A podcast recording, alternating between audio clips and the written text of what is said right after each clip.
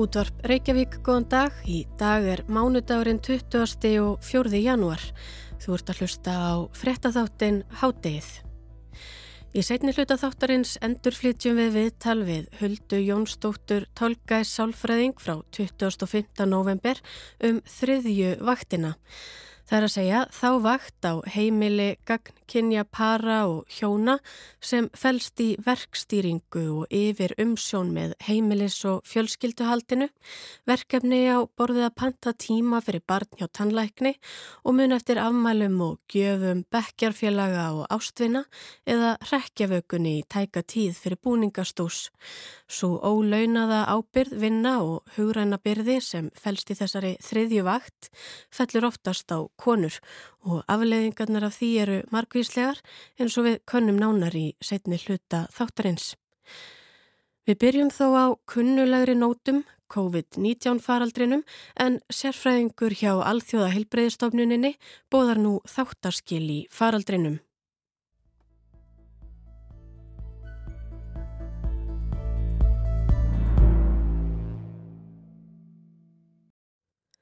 Hans Klúke, framkvæmdastjóri Alþjóða heilbreyðsmálastofnunarinnar í Evrópu, segir að nýtt tímabil sé hafið í heimsálfunni með ómikrón afbreyði kórunuveirunar.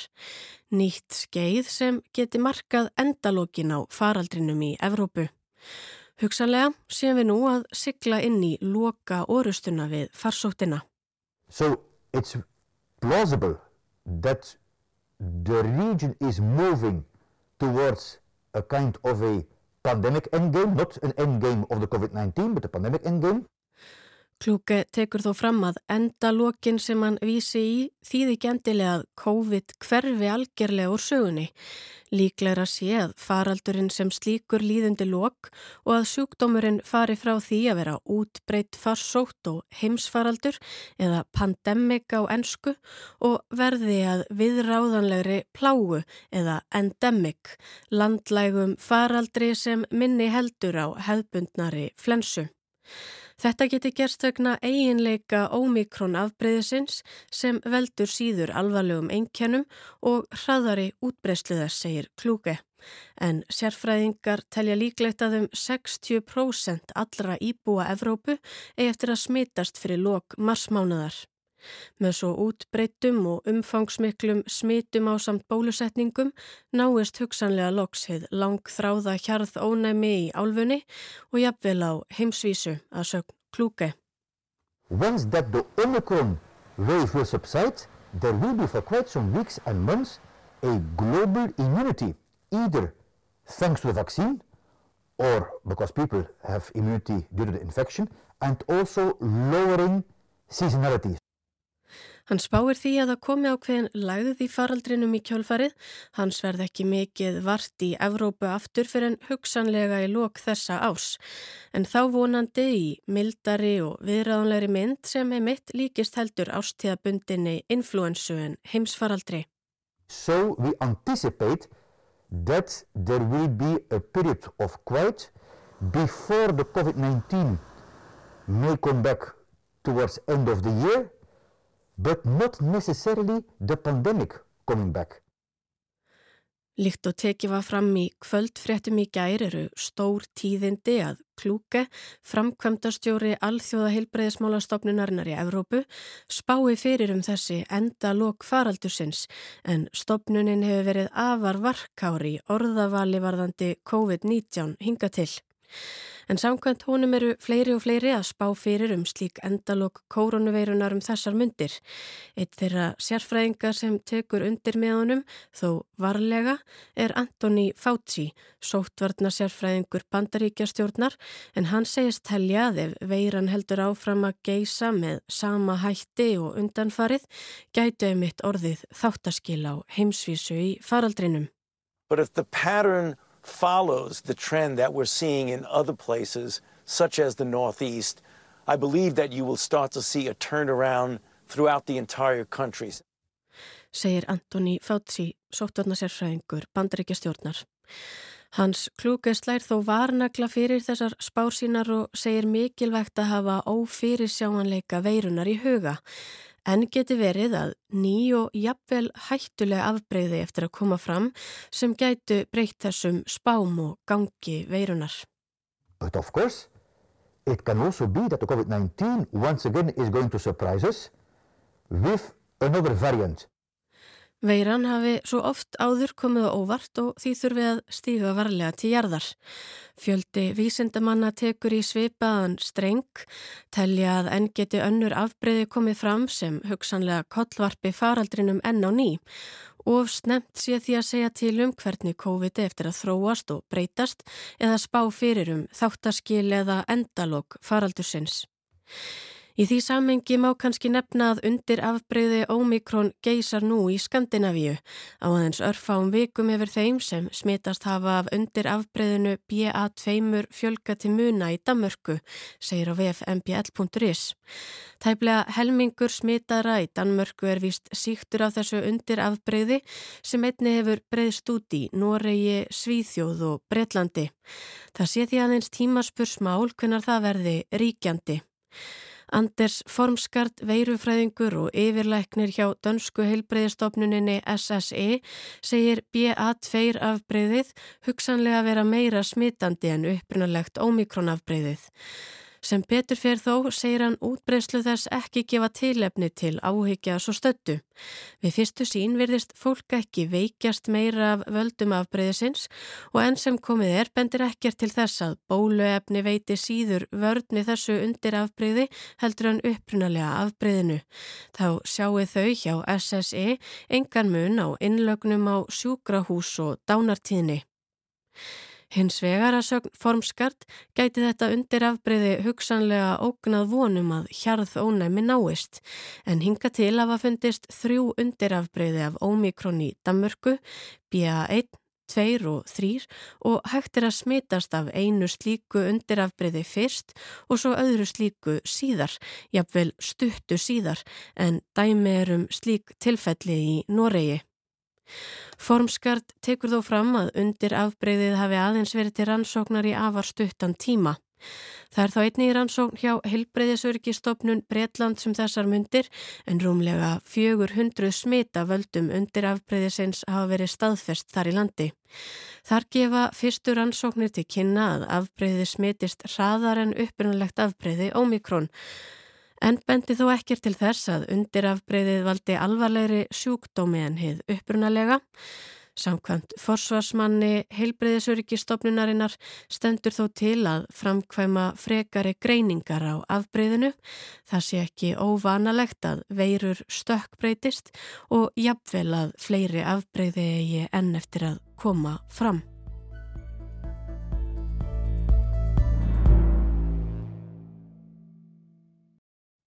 Talað um að fyrsta vaktin á heimilinu sé það launaða starf sem hjón eða pör sinna. Önnur vaktin felur svo í sér framkvæmtina ímsu starfa og verkefna heimilisins, svo sem þrifum að baða börnin og þarfram eftir gödunum. Þessi vakt fellur mun oftar á konur en karla í gagn kynja samböndum. En svo er það þriðjavaktin, svo ólaunaða ábyrð og vinna sem fælst í verkstýringu og yfir umsjón með heimilis og fjölskylduhaldinu. Í því félast alls konar og stundum vannmetin verkefni eins og að panta tíma fyrir barn hjá tannleikni og mun eftir afmælum og gjöfum eða þá rekjavökunni og öskudeinum í tæka tíð. Og aftur er algengast að konur sinni þessari vakt og taki að sér þá hugrannu byrði sem í henni er fólkin og því geta fyllt ymsar afleðingar bæði innan og utan heimilisins, afleðingar sem á endanum standa í vegi fyrir jafnbretti. Við endurflytjum nú spjallokkar við Huldu Jónsdóttur Tolgæs Sálfræðing sem rætti við okkur um þriðjuvaktina þann 20. og 5. november í fyrra.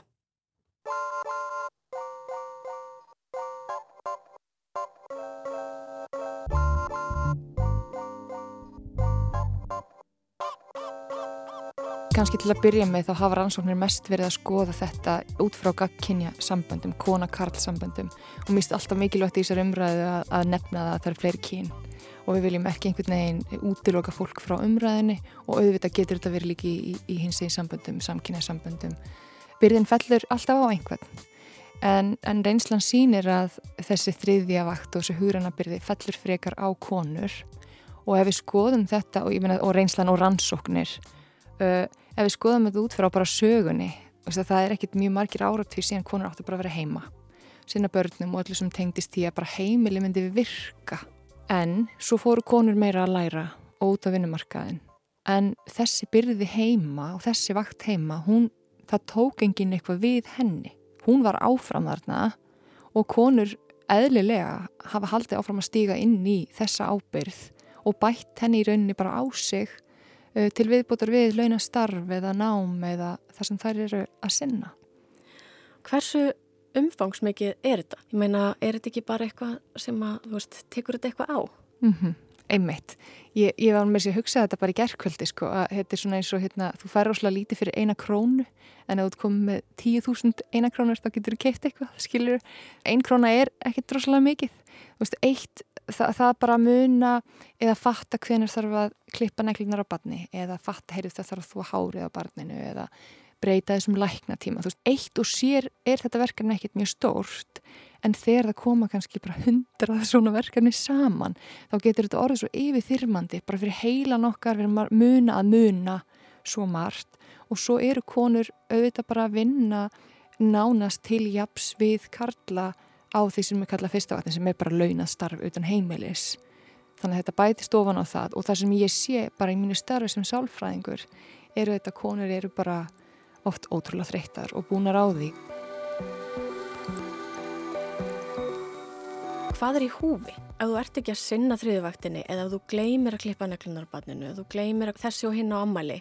Ég til dæmis held að ef að konur fara í svona það sem við getum kallað verkvall heima að þá halda hjólinn ekki áfram að snúast eins og þau þurfa að snúast, þá missir einhver af læknum tíma, þá kemur meira vesen, þá þarf að bóka, finna nýjan tíma, þá er henni eikst byrðin og bætist bara við hana, hún hættir aldrei og eins og þetta, gleyma að klippa neklur á barninu, uh, ég veit ekki, óþægindi fyrir barnið, jafnvel sko koma póstar frá leikskóla, heyri það er einna njálgur að ganga, allir foreldrar verða mun eftir að klípa neglur og þá bara kemur líka skömmin hjá foreldrunum, bara hér er ekki að standa mig, Vist, þannig að það hefur afleðingar einmitt að sinna ekki þessum þriðivaktarverkefnum uh, og ég man svo ótrúlega skýrtum dæmi frá lífunu okkar, mannsins meins, við vorum út í útlöndum með fjölskyldinu minni og hérna ég náttúrulega sem, sem konan í þessu sambandi og hjónabandi hefur tekið þessa þriðvakt að langmestu leiti og ég þurfti að fara fyrr heim til þess að sinna einhverju vinnu.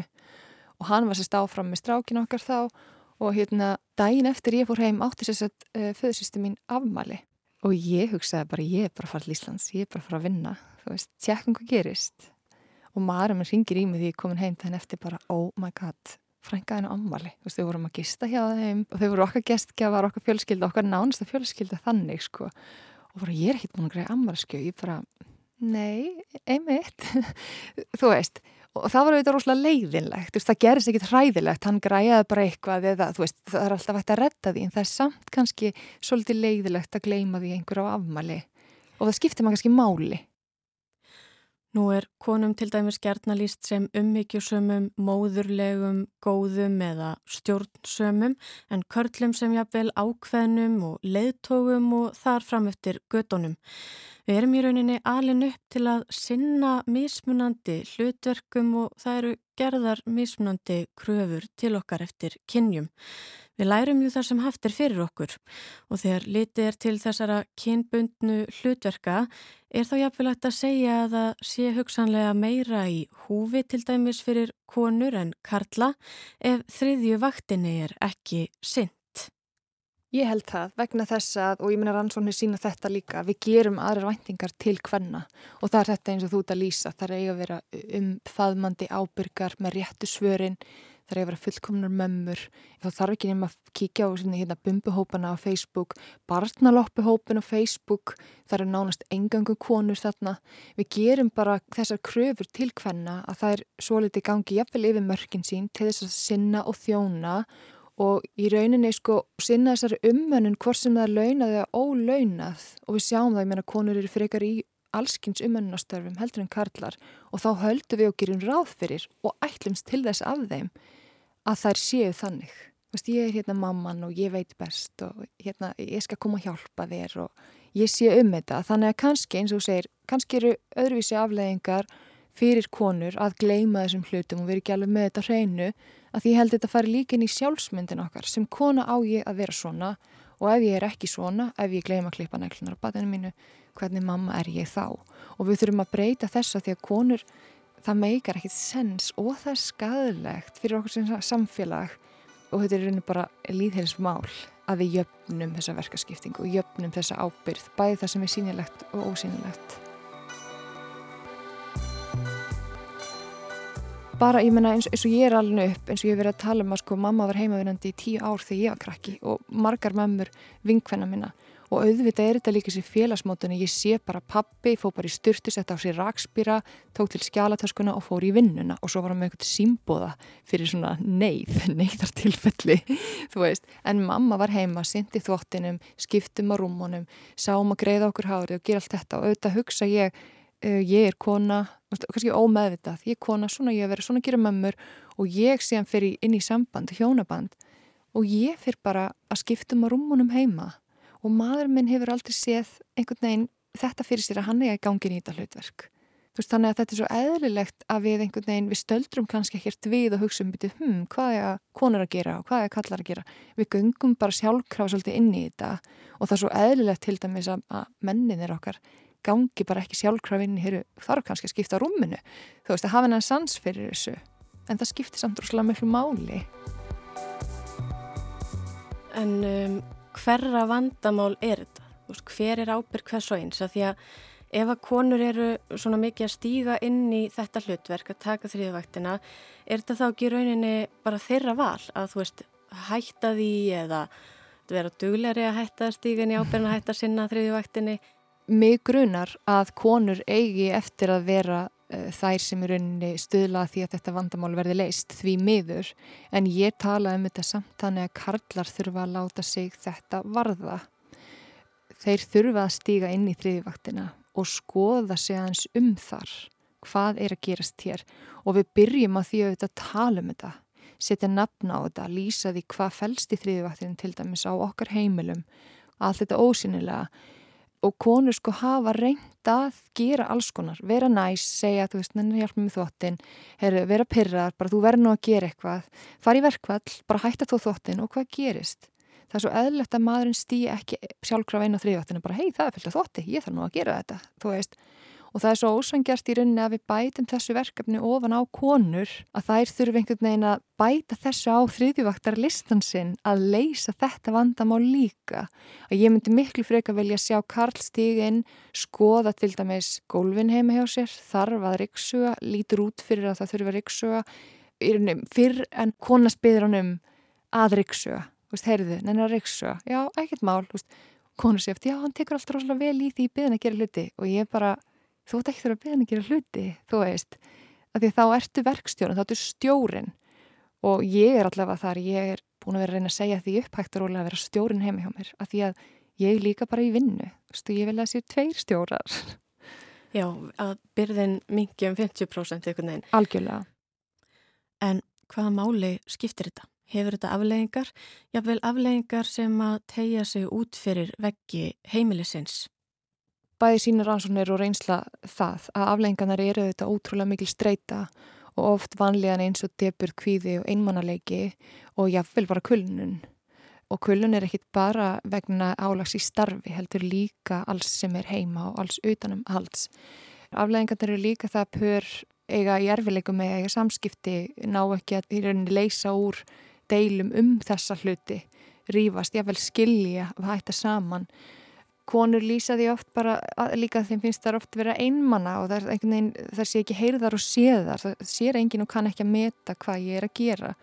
Og nú veit ég ekki, ég get ekki sagt að það sé vegna þessa en konur eru í, í, í meiri hluta þeirra sem fara í endurhæfingu hjá virk til dæmis og hefur verið þannig sístu tíu árin og það er einhver ástæða þar að baki. Konur eru ekki með verð hannað tögkerfi en karlar. Það er alls ekki þannig og hérna, ég held að sé mist fleiri streytuvalda í sínu lífi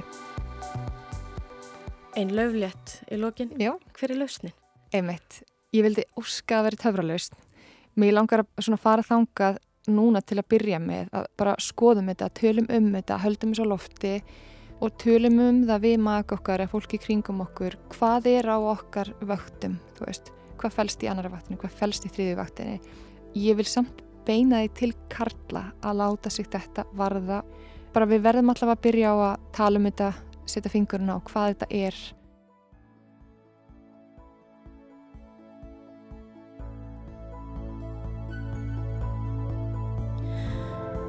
Hátið verður þá ekki lengra í dag. Við verðum hér aftur á sama tíma á morgun. Þátturinn er einnig aðgengilegur í spilaranum og hlaðvarpsveitum og það er hægt að senda okkur post með ábendingum og aðtöðasemtum á netfangið hátið hjá rúf.is. Verðið sæl.